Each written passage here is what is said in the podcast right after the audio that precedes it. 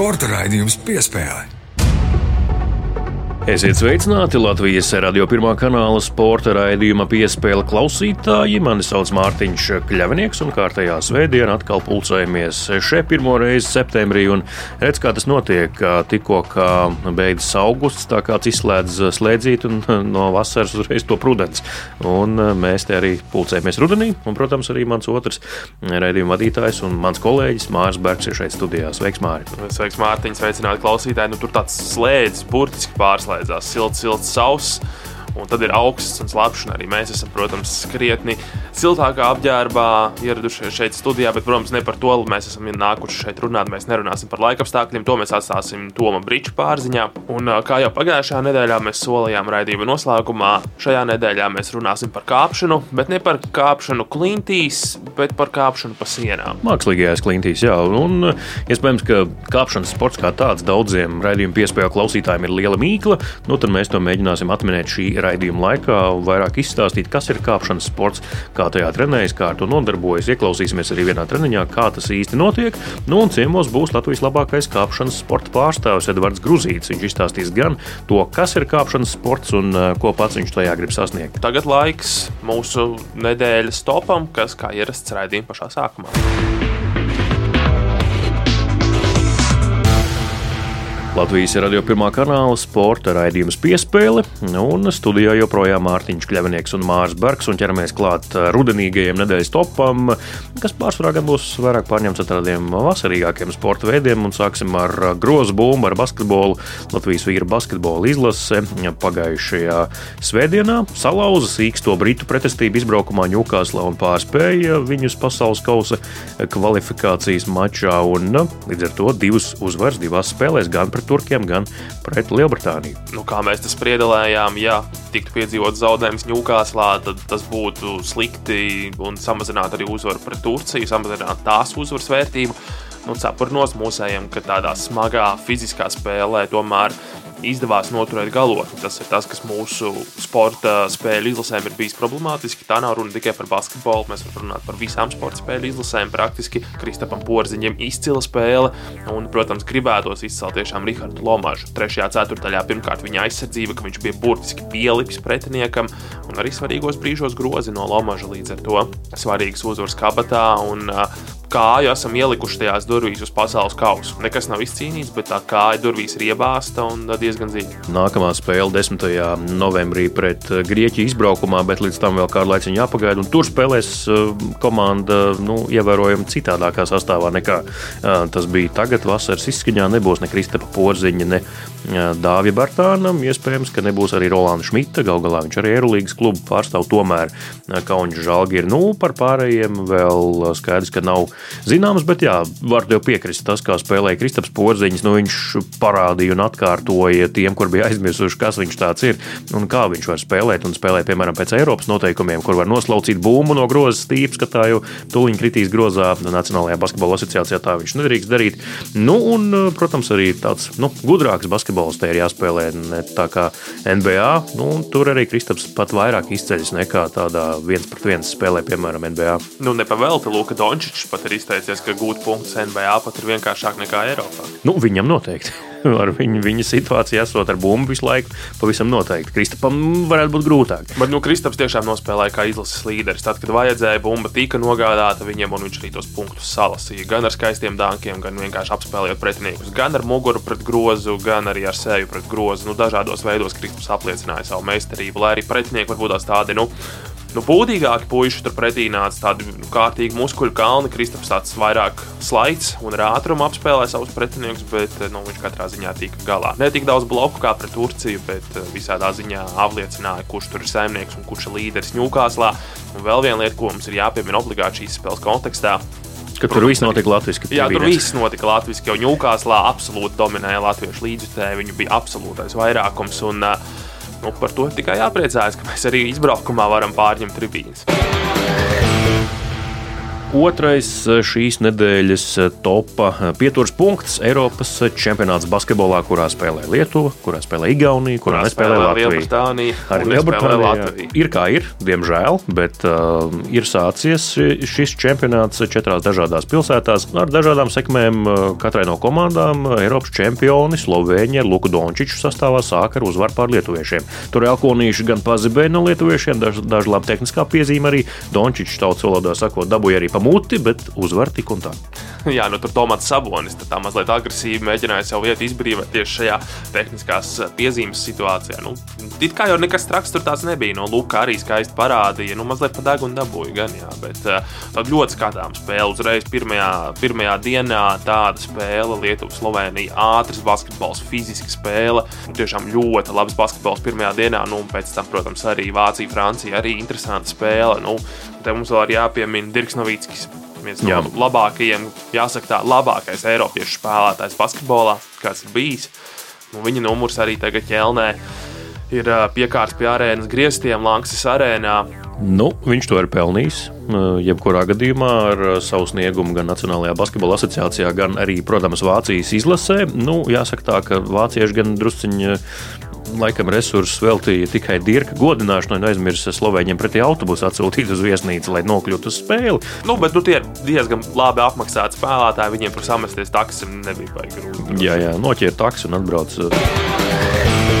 Un nākamais pieturas punkts, es gribētu teikt, skaļš, brum, brum, rūts motori, bet ne rūts. Šogad, ne, nu kā, nu rūts, bet šogad nav tik skaļi kā pagājušajā gadā. Kluss klus rallija biķerniekos šajā nedēļas nogalē. Nu tā, ka pilnīgi kluss tā jau arī nav. Nu, daļa rallija ir klusa, tur tikai riepu skaņas un bremzēšana un tam līdzīgi. Un tad mazliet tāda sajūta, ka putekļi sūcēji brauc nu, pēc skaņas. Nu, izklausās mazliet uz to pusi. Bet ļoti jaudīgi. Ļoti jaudīgi un ātri, jā.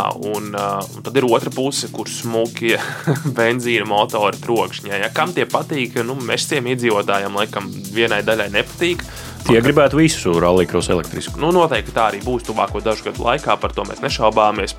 Rallija iet elektrības virzienā, un kā pasaules čempionāta dalībnieki jau brauc tikai elektriskās mašīnās. Viņiem šodien, tieši šodien, biķerniekos izšķirošie notikumi pēcpusdienā. Tur ap sešiem vakarā fināla brauciens Latvijas braucēji startē Eiropas čempionāta ieskaitē.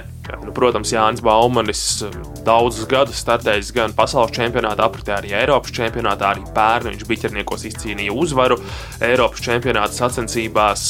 Un arī Ronalds Baldiņš, viņš arī pēdējā laikā startējis ļoti augstu līmeņa rallija krosas sacensībās, devies uz ASV arī šajā Nitro Eriks eh, seriālā piedalīties, kas ir mazliet atšķirīgs no šī visa. Tas joprojām ir milzīgs notikums un uh, ienes Latvijas ekonomikā tādu krietnu straumi naudas. Kā tu domā, tas ir uz palikšanu, vai tomēr būs katru otro gadu, nezinu, vai tomēr tas būs nākotnē arī katru gadu? Es domāju, ka tas būs katru gadu, ņemot vērā, ka piķernieki gadu no gada šis posms tiek atzīts par labāko. Ja arī netiek atzīts par labāko, tad turpat vien ir un droši vien iedot kādam citam pieklājības pēc bet biķernieki regulāri kļūst par labāko rallija posmu. Droši vien jautājums jau ir mūsu pašu galā, kā ar to naudu būs, lai mēs varētu atpirkt, samaksāt licences maksu. Pirmkārt, jau licences maksu, jau kā Raimons Strokšs izteicās gan pirms rallija, tātad intervijā jūnijā, pirms rallija Liepāja, gan arī tagad, pirms rallija posma. To, ko tu janvārī esi sarakstījis, to tāmi, to tu vari smuki sadedzināt un izmest ārā pa logu. Tā ir pilnīgi bezvērtīga, visas izmaksas ir palielinājušās. Un, Un skaidrs, ka bez sadarbības partneriem tas arī nav iespējams. Un, nu, jautājums, cik vēlīgi būs šie sadarbības partneri arī turpmāk atbalstīt un uh, piešķirt šos, šos savus līdzekļus, lai tāds posms paliktu. Jo nu, par skaistām acīm un par to, ka jūs esat forši džeki un jūs labu posmu varat uzorganizēt, nu, tāpēc promoteri te nebrauks.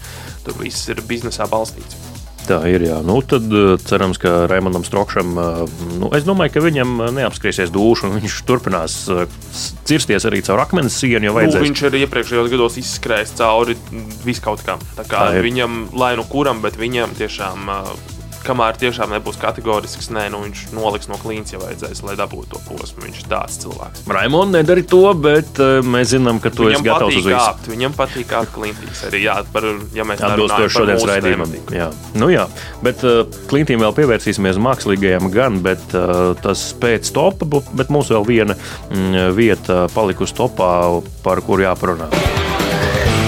Un uh, noslēdzam šīs nedēļas topu ar to, ka sācies Latvijas čempionāts uh, hokeja.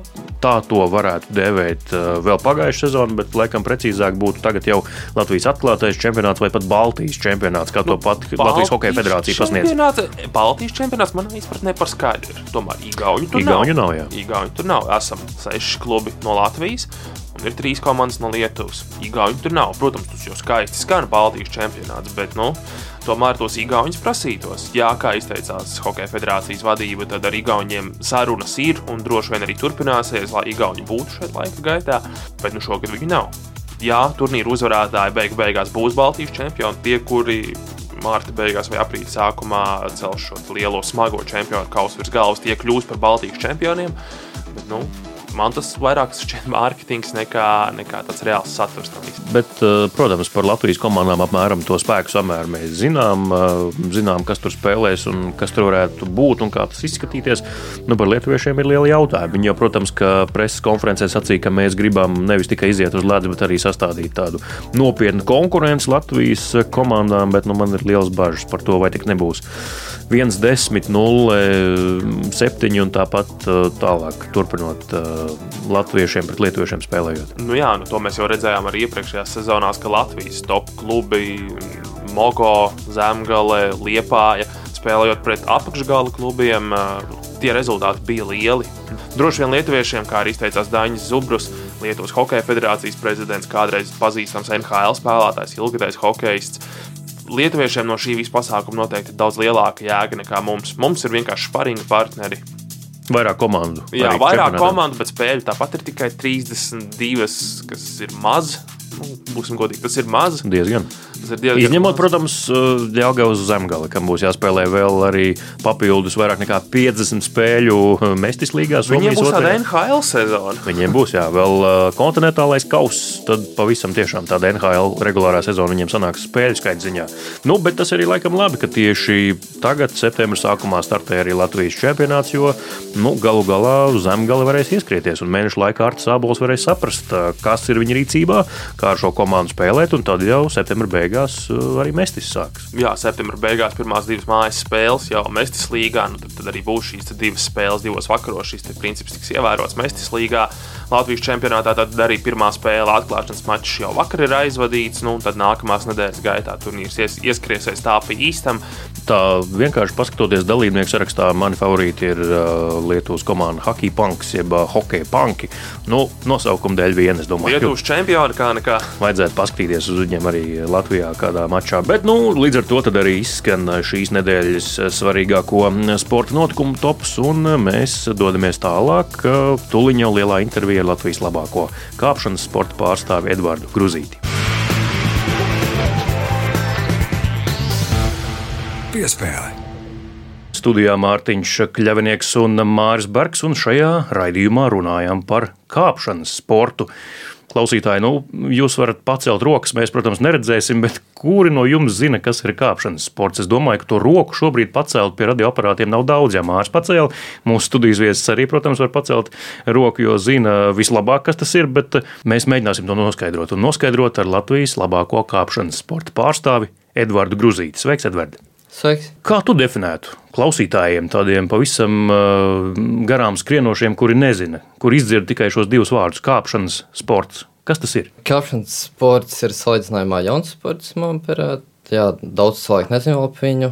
Kāpšanai ir trīs disciplīnas - boulderings, grūtā kāpšana un ātruma kāpšana. Kur tās atšķirības starp tām ir? Jo nu, kāpšana tas arī nav ka kaut kur klintīs, kā tur ir speciāls sienas, ja, un pastāst par šīm niansēm, nu, kā tas izskatās un izpaužās dabā. Jo boulderingu mēs esam dzirdējuši laikam arī vairāk reižu. Kāpšanu mēs arī sporta ziņās arī, arī esam pieminējuši. Jā, tieši kāpšanas sports ir pa mākslīgām sienām, un jā, tad viņš šeit ir tās trīs disciplīnas. Boulderings ir uh, 4 līdz 5 metri gara siena, un drošināšana ir matraca apakšā. Grūtāk kāpšana ir jau augstāks sienas, līdz pat 25 metri.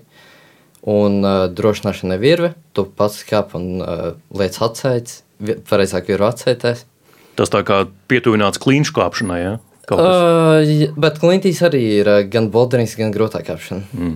Un tad ir jā, trešā disciplīna - ātruma kāpšana. Un tas jau līdzīgs kā sprintam, viņi vienkārši cenšas maksimāli sienu. Bez nekādiem drošinājumiem, bez nekā. Ja? Jā, tur ir standarta tā kā maršruts, etalons, vienmēr ir viens un tas pats, un viņi cenšas uzlabot savu rezultātu. Un tad uh, kāpšanas sporta 2020. gadā iekļāva Olimpiskajās spēlēs. Tokijā jā, viņi bija pirmo reizi, un tad bija kombinētā disciplīna, tikai viena vien disciplīna. Tur iekļāvās gan ātrumkāpšana, gan grūtā kāpšana, gan boulderings. Un tagad nākamajās Olimpiskajās spēlēs būs divas disciplīnas. Būs atsevišķa ātrumkāpšana un grūtā kāpšana boulderī būs apvienots. Kurā no šīm tu specializējies? Nu, visvairāk specializējos boulderingā šobrīd, bet tagad arī cenšos grūtā kāpšanu uzlabot, tā lai mēģinātu iekļūt Olimpiskajās spēlēs. Tāds ātrumkāpējs tu neesi. Ja? Mm, Vispār ne. Mums tikai tagad uzbūvēja pirmo ātrumkāpšanas sienu Latvijā. Ogrē. ja? Ogrē, jā. Es tieši to gribēju jautāt. Jā, viens no jautājumiem mums bija plānots par infrastruktūru. Tad uzreiz droši vien arī ķeramies klāt. Kur tu ikdienā trenējies un kāda Latvijā ir infrastruktūra? Tagad, jā, šīs ogres, ūdens tornis pārveidotais par lielisku sienu. Es saprotu, ka tu arī esi novērtējis jau. Jā? Jā, nu, es pats trenējos Rīgā, Falkora Boldringa centrā. Tā ir lielākā šobrīd uh, Boldringa zāle tieši Latvijā. Un tad mums ir vēl pāris kāpšanas zāles, kā virsotne. Viņi arī attīstās, arī būvēja jaunas sienas. Tagad tieši nesen uzbūvēja ogres toni, kur ir augstākā siena Baltijā. Un tur jā, ir pirmā ātruma kāpšana arī. Jā, kā bija šajā ogles turnī, kāpt, mēs paraugu demonstrējumus tur parādījis jau atklāšanas pasākumā, kāda bija tā siena. Nu, tā tiek saukt arī par ne tikai augstāko, bet arī par profesionālāko sienu, kāda ir pieejama. Jā, jo tur ir arī jaunākās aizceres. Nu, jā, viņa plus ir augstākā un viņa jā, ir ļoti labi. Tas nozīmē, ka tu tagad uh, bieži brauks uz ogri. Ja? Uh, jā, jā tā, tāda plāna ir. Mēs te, kā jau minējām, uh, gribam iepazīstināt gan ar sporta veidu, gan ar tevi pašu. No ar sporta veidu, tā kā mēs druskuļi tikām skaidrībā, es ka arī klausītājs saprot trīs disciplīnas, tātad jā, dažādas arī šīs sienas, uh, dažādos augstumos. Edvards Gruzīts, kā viņam sākās kāpšana, kas tevi pozitīvā ziņā, kā saka, saslindināja uh, ar šo sporta veidu? Nu, jā, ar šo sportu man iepazīstināja ģimene. Mana mamma jaunībā kāpa, un manam brālim ir ā, kāpšanas zāle, pieder arī tieši Falkura Boldrīna centrs, kuras arī trenējos. Un sāku kāpt es astoņu gadu vecumā, un tad jā, kaut kā viss aizgāja, man ļoti iepatikās, arvien biežāk gājis turien. Un tad uh, starptautiskajās sacensībās sāku piedalīties no 14 gadu vecuma. Kas ir tās lietas, kas ievelk šajā sporta veidā? Jo tu esi labākais šī sporta veida pārstāvis, bet eh, zinot arī no mūsu pašu kolēģiem, kas ar šo sportu nodarbojās, nu, tā komūna pamazām veidojas, cilvēku kļūst vairāk. Kas tavuprāt ir tas, kas šajā sporta veidā ievelk? Nu, man arī patīk, ka nav nekad nekas vienāds. Mēs vienmēr skrējam maršrutus, un viņiem arī dažādi. Tā kā nu, nāpnīgi, tieši boulderingā un grūtajā kāpšanā. Tāpēc arī ar ātrumu kāpšanu nenodarbojos, jo tur ir viens un tas pats. Manuprāt, vienmēr tu pārvar savas spējas, tu neredzi galu. Kā, Vienmēr ir kur tiekties atkal, vienmēr jauns mērķis. jā. jā. Nekad tu nevari sasniegt to ideālo. Mm. Vienmēr būs kur tiekties. Fiziskās īpašības, eh, nu skaidrs, ka mums ar māri, laikam, mūsu svara kategorijā būtu grūtāk tikt pa to sienu augšā, bet eh, kādam ir jābūt īpašībām, kas ir tas, kas ir vajadzīgs labam kāpējam tieši boulderingā un grūtajā kāpšanā. Protams, fiziski jābūt arī spēcīgiem, pirkstiem jābūt spēcīgiem, pilnīgi visam ķermenim jābūt attīstītam. Rokām droši vien augšdaļā. Jā. Jā, arī Kājas kājas, arī, arī, arī protams. kājas, protams. Jā. Jo ir arī maršruts uz līdzsvaru, kur piemēram strādā tikai kājas. Un arī domāšana. Jo pirms tu kāp maršrutu, nu, piemēram, sacensībās tu izēji uz startu un tu pirmo reizi redz maršrutu. Un tev, viņš, tev ir jāizdomā, kā viņi izkāpt. Ja tu neizdomā, nu, tad tu esi zaudējis. Cik ilgs laiks dots? Bolderingā mums ir ā, pieci maršruti atlasē un piecas minūtes uz maršrutu. Tev jau vajag izdomāt, vēl paspēt izkāpt. Plānu. Dažreiz arī sanāk, ka tu uzkāp sienas un tu pēkšņi maini to plānu, kā izkāpt maršrutu. Jā, pieredze ir ļoti svarīga tieši maršrutu izdomāšanā, un to arī ļoti ir labi redzēt, kad, piemēram, iesācēji atnāk uz zāli. Viņi vispār nevar izdomāt, kā izkāpt maršrutu. Un tad, jā, parasti treneri palīdz viņiem izdomāt arī, kuriem ir pieredze. Un, jā, tie, kas ir top, top sportisti, viņi ļoti labi māki klausītos maršrutus. Viņi pat, piemēram, Ir tāda lieta, kā defekti dažreiz, ka piemēram aizsardzība nav līdz galam pieskrūvēta. Viņi pat pamana tādas nianses, ka viņi izmanto tos defektus, lai izkāptu, lai gan skrotāji vispār tā nebija domājuši. Cik es arī šeit redzamā piespēlēju, nu jau vairāk nekā pirms gada runāju arī ar um, cilvēkiem, kas ir saistīti ar kāpšanas sportu. Viņi sacīja, ka to es upurēju arī pat nu, klātienes vidusskolas apmeklējumu, pārgājis uz tā mācību tikai, lai varētu vairāk ar kāpšanu nodarboties. Ja? Jā, tā bija. Es pēc 9. klases aizgāju uz tālmācības vidusskolu. Bet man arī paveicās, ka te, ap to laiku sākās Covid. Tā kā es baigi. Tagad neko... tāpat tā bija tālmācība. jā, tā es baigi neko nezaudēju. Bet jā, es aizgāju domu, ka es varēšu vairāk ceļot. Nu, tad sākās Covid. Jā, un, un tad sākās Covid. bet jā, tieši sportisti karjerā aizkrita pavisam viens gads. Tikai viens sacensības notika 2020. gadā. Šobrīd tevi varam definēt kā profesionālu sportistu. Es nezinu, kā skaitās tieši profesionāls sports. Laikam, ja tev ir līgums un tev maksā ikdienā tieši sponsori. Bet, nu jā, es tiecos laikam uz to, lai būtu profesionāls sports. Cik vispār kāpšanā ir tāds profesionāls status reāls, un vai ir tādi pilnīgi profesionāli kāpēji, kur no sponsoriem saņem naudu, ir kaut kāda līguma viņiem, kā, kāda ir tā sistēma vispār? Vai sacensību balvu fondi jā. ar to var pelnīt? Latvijā tas nav vispār attīstīts, bet ārzemēs, jā, ir Protams, tas ir daudz grūtāk nekā citos sporta veidos, un arī balfondis sacensībās pasaules kausos nav tik liela, bet ir diezgan, tagad jau arī attīstās un daudz vairāk sāk kļūt par profesionāliem sportistiem un sāk cilvēkiem rast arī interese sponsoriem ir šajā sporta veidā. Ja tas ir skatāms sporta veids, jā. Jā, jā to arī parādīja 2020. gada olimpiāda, ka kāpšana bija Piemēram, Čehijā tas bija viens no skatītākajiem sporta veidiem. Cik mēs ar Mārtiņu esam runājuši ar kāpšanas sporta pārstāvjiem, ar vadību šī sporta veida, tad viņi ir teikuši, ka tu esi tagadne, bet arī jau šī sporta veida nākotne. Ja mēs raugāmies uz priekšu, mums ir Parīze, Losandželosa, tīra Olimpisko spēļu kontekstā. Kā tu uz šo visu skaties? Ka esi jau tagad labākais, bet nu, vēl jau ir tik daudz gadu priekšā. Nu, jā, es mēģināšu, protams, visu darīt, lai iekļūtu gan 2024. gada olimpiādē, gan arī nākamajās. Uz 2024. gada olimpiādi atlases jau ir nākamgad. Tāpēc darīšu visu, lai, lai kvalificētos. Olimpiskajās spēlēs, ja nemaldos, teikt, tikai 20 cilvēki. Kāpšanai ir diezgan grūta kvalifikācija tieši Olimpiskajām spēlēm. Ļoti grūti pat tā teikšu. Tur ir normāla cīņa par to, kurš iegūst to kvalifikāciju, jo sportisti nu, 60 ir vismaz tādi ļoti spēcīgi, kuriem līmenis ir diezgan tuvs. Kāda ir tā ikdiena, kā tu trenējies, kas ir jādara kāpējiem? Nu, minēja, visi ķermeņi tāda spēcīga, spēcīgs, viss ķermenis ir nepieciešams, kārtīgs krāps rokās. Ko tu dari savā ikdienā, gatavojoties, trenējoties, lai attīstītos? Protams, es ļoti daudz kāpju, bet tad ir arī periodi, kad es tieši eju arī uz saru zāli trenēju spēku atsevišķi. Arī sanāk, kāpšanai specifiski, tā kā trenižieri, kā kampus ir tie tādi kā koku deliši, kur mēs tieši pirkstus trenējam. Tvērienam jābūt spēcīgam. Ne? Jā, Tas tā nevar. Jā, jā ir. Jā. Ja tev būs spēcīgs viss ķermenis, bet nu, vāja pirksti, tad švāk, jā, neno, mm. nenoturēsies. Jā, tāpēc ir izdomāti tie specifiskie tieši trenižieri kā kampus. Un jā, uz viņiem arī daudz pavadu laiku. Jā, atkarīgs no tieši tā laika perioda. Piemēram, pirms sezonas vairāk trenēju spēku, a sezonas laikā es vairāk kāpju. Cik daudz laika tu pavadi zālē, nu, gan pirms sezonas teiksim, treniņos, svaru zālē, un tagad sezonas laikā, kad jums šobrīd ir daudz sacensību? Nu, es trenēju vidēji kaut kur sešas dienas nedēļā, pa kaut kādām trīs līdz piecām stundām atkarīgs. Un, kad ir pirms sezonas, nu, kad trenē fizisko, mēdz būt arī divu treniņu dienā. Tad tu viss... mēdz trenēties arī īstos kalnos? Klintīs, jā, nu, ļoti rēti, ja godīgi, bet tas ir tas, ko es gribētu vairāk. Tas, ko nāk, tas... tas nāk par labu, tas dod kaut ko. Jā, jā. ko tas var dot? Jā, nu, tāds īstas klintis.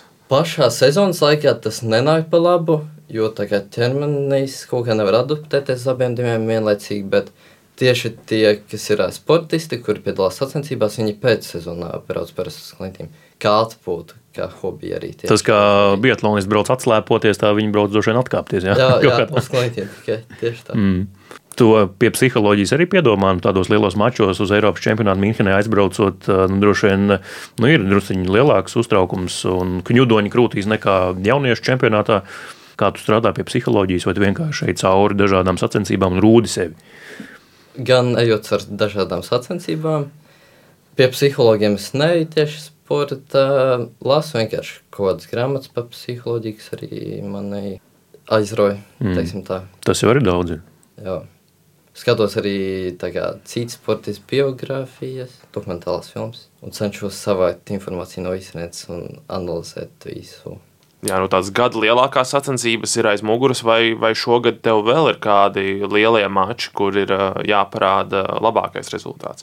Uh, nē, es tiešām noslēdzu sezonu.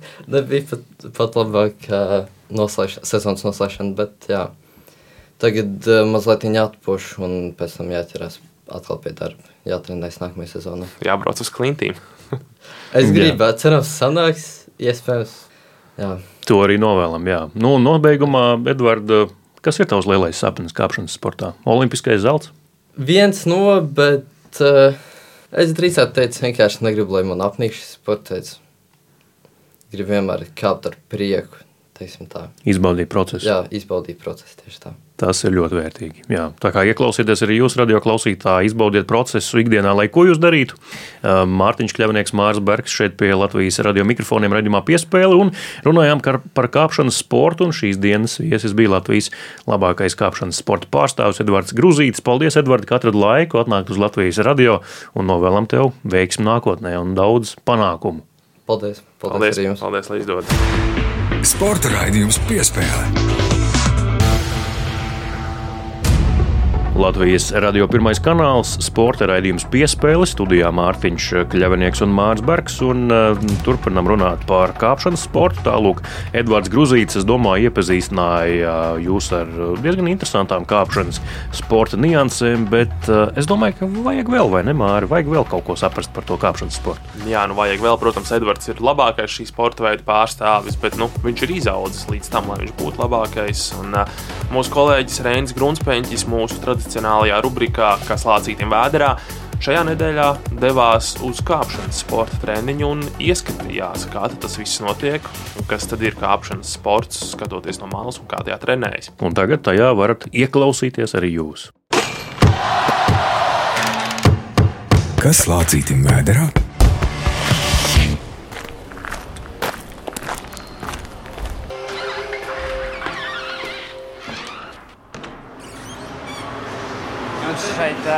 Jau kāpšanas sports, lai tiktu līdz šejienē. Tieši tā, jā.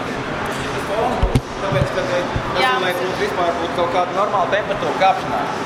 Kristofer, iesildamies. Iesildīties. Gurnik, atdot pusi. Izapļojam. Alkoņi. Pamēģiniet uz pretējo pusi. Tā kā viena iet uz priekšu, un iet atpakaļ. Šurā. Tev, ir, tev ir tas pats virziens, tev arī tas pats virziens. Izdariet šādā, viena iet uz priekšu, sākat ar vienu, un tad otra iet pretēji. Nav. Tev beigās bija tā, ka tev viena roka vienkārši bīdījās turp šurpu. Labi, izapļojam vēl galvu. Tā, ejiet, iesildīties pa sienu. Katrs atrodat sev vietu un mēģināt taisīt, uh, uzkāpiet uz sienas un uztaisīt apli. Izejiet tā kā apli. Tu esi šodien pirmo reizi, ja? Labi. Uh, es jau ievadīju iesildīšanos, iesildīsimies ar tevi, tad divi tā, un tad iesi viņiem pievienoties klāt, labi? Jums būs ļoti draudzīgiem jābūt savā starpā. Kas jums ir jādara? Jūs esat visi uz vienas daļas, ko es jums parādīju. Un tad, kad ir visi virsū, tad pirmais var iet tālāk, un viņš apstājās pie nākamās daļas beigām. Jo jūs ilgāk kavēsieties, jo būs tie, kas ir uz sienas, viņiem būs ilgāk jāstāv. Pelēko, pelēko, pelēko. Nākamā pelēkā. Jā, tagad nākamā vēl uz augšu pelēkā. Un sarkanā. Lielā sarkanā. Lielā sarkanā ar zelta nozīmi. Kāpēc nevarēja noķert, noturēt oranžo? Slīd, man reāls viss koks ir. Vienkārši slīdēja nost, ja? Kamēr vēl norisinās kāpējiem treniņš, tikmēr uz sarunu esmu aicinājis Boulderinga centra Falkors vadītāju Uldi Kirtovski. Uldi, sveiks un pastāst, kā, kāda ir vispār šī centra vēsture un kā tas radās. Jā, labdien! Centra vēsture sākās ar Eriku Ruģēnu. Viņš nodibināja nelielu, es domāju, ka tas bija pirmais boulderinga iekštelpu tāds, nu, stadions, varētu teikt, ļoti maziņš gan. Tas bija 2000. gada, nezinu, pirmajos gados. Arī pats boulderinga uh, sports kā tāds, man liekas, attīstījās tikai oficiālās sacensības bija no 2000. gada sākuma. Šī zāle tika atklāta eh, pagājušā gada novembrī un ir viena no lielākajām Baltijā. Olimpiskajās spēlēs šis sporta veids arī uh, debitēja pagājušajā gadā Tokijā.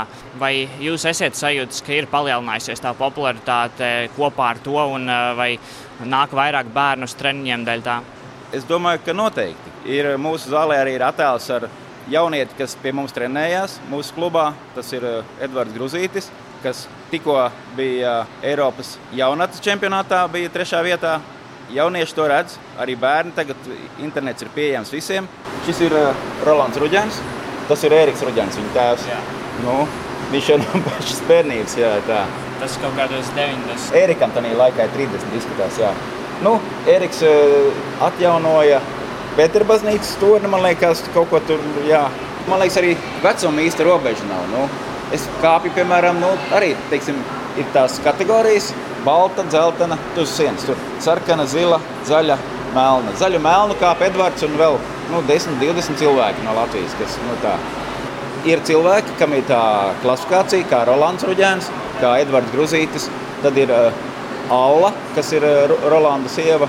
Viņa ir uh, ukrainiete un arī ātrumkāpēji. Viņa ir ātrumkāpšanas pasaules kaut kādos posmos 4. un 6. vieta, kad bijusi Ķīnā. Tur.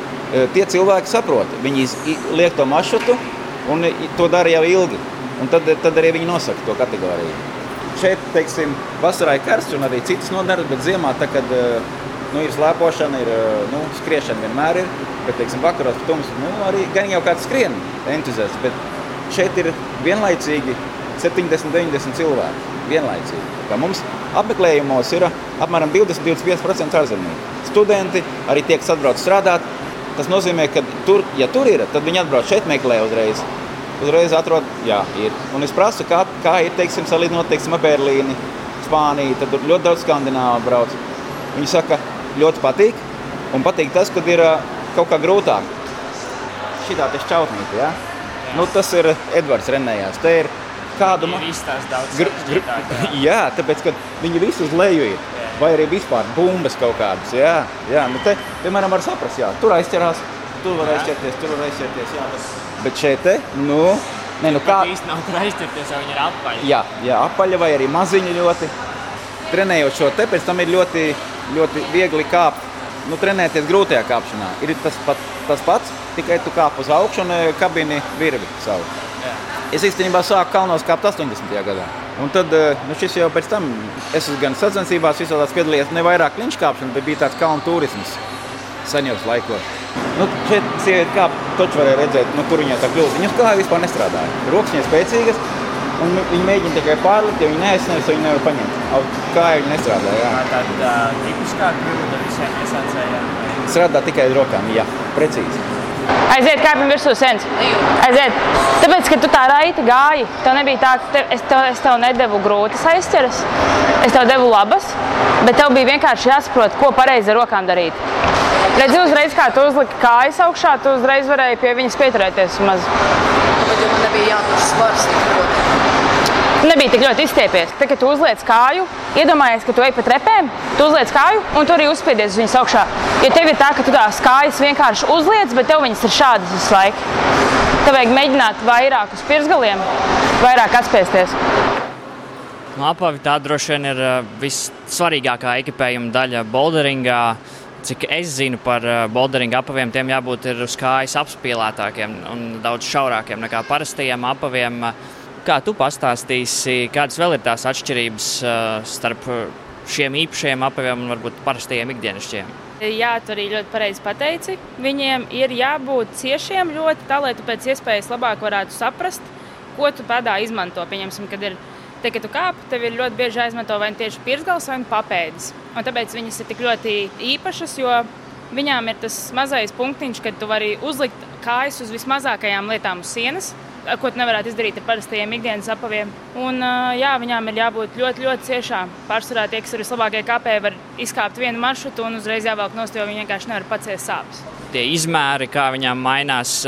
Ja tev parastais izmērs ir piemēram 38, tad šeit kāds jāņem? Tie, kas ir iesācēji, viņiem ir jādod divi izmēri lielāki. Tad, ja tev ir 38, tad mēs vienmēr dodam 40. Bet tie, kas jau ir parasti, nu, tie, kas jau ikdienā daudz kāpj, un tie, kas ir sportisti, viņi ņem vai nu tādu pašu, vai jau uzreiz divus, trīs izmērus mazākus, kas ir ļoti, ļoti grūti dabūjams iekšā. Tad tur ir visādi elementi jāzina, kā viņas varētu uzvilkt. Jo ļoti bieži viņas var uzvilkt, un viņas nevar dabūt vairāk nost, jo viņas ir tik maziņas, ka viņas vienkārši nenāk no kājas vairāk nost. Kāds vēl ekipējums ir eh, svarīgs, varbūt bolderingā, vai šis ir tas vienīgais un vissvarīgākais? Bolderingā tieši vēl ir obligāti vajadzīgs magnēzijas, kas ir baltais pulverītis, ko daži sauc par krītu. Un viņu izmanto, lai neslīdētu rokas, jā, kamēr tu kā. Ir īpaši karstā laikā viņš ļoti nodara, tāpēc, ka uh, zālē ir ļoti silts un ļoti ātri svīst rokas. Labi, paldies. To es saku Boldringa centra Falkors trenerai Samantai Vilkai, kura palīdzēja mums iejusties šodien visiem klausītājiem kāpšanas sporta treniņā. Paldies! Paldies tev arī!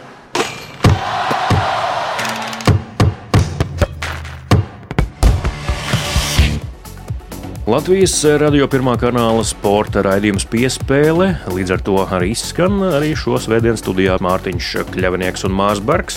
Kāpšanas sports, interesants temats. Es domāju, noteikti kādu reizi mēs to turpināsim. Edvardam, es pieņemu, būs vēl panākumu, daudz titulu un tā tālāk, un tad jau arī ar viņu varēsim vairāk parunāt. Nu, šoreiz tas viss. Meklējiet šo raidījumu arī jebkurā sev vērtā raidierakstu, jeb podkāstu klausīšanās vietnē. Nu, tāpat arī mūsu raidījumus gan šo, gan arī iepriekšējos var noklausīties Latvijas radio arhīvā, meklējot raidījumu piespēle. Bet eh, šoreiz mēs no jums atvadāmies un tiekamies jau nākamā svētdiena, kad atkal jauni temati, jaunas sarunas un, protams, arī jauni spilgtākie notikumi, kas pa nedēļu būs eh, sariesušies eh, tajā vācelītē. Tiekamies! Uz redzēšanos!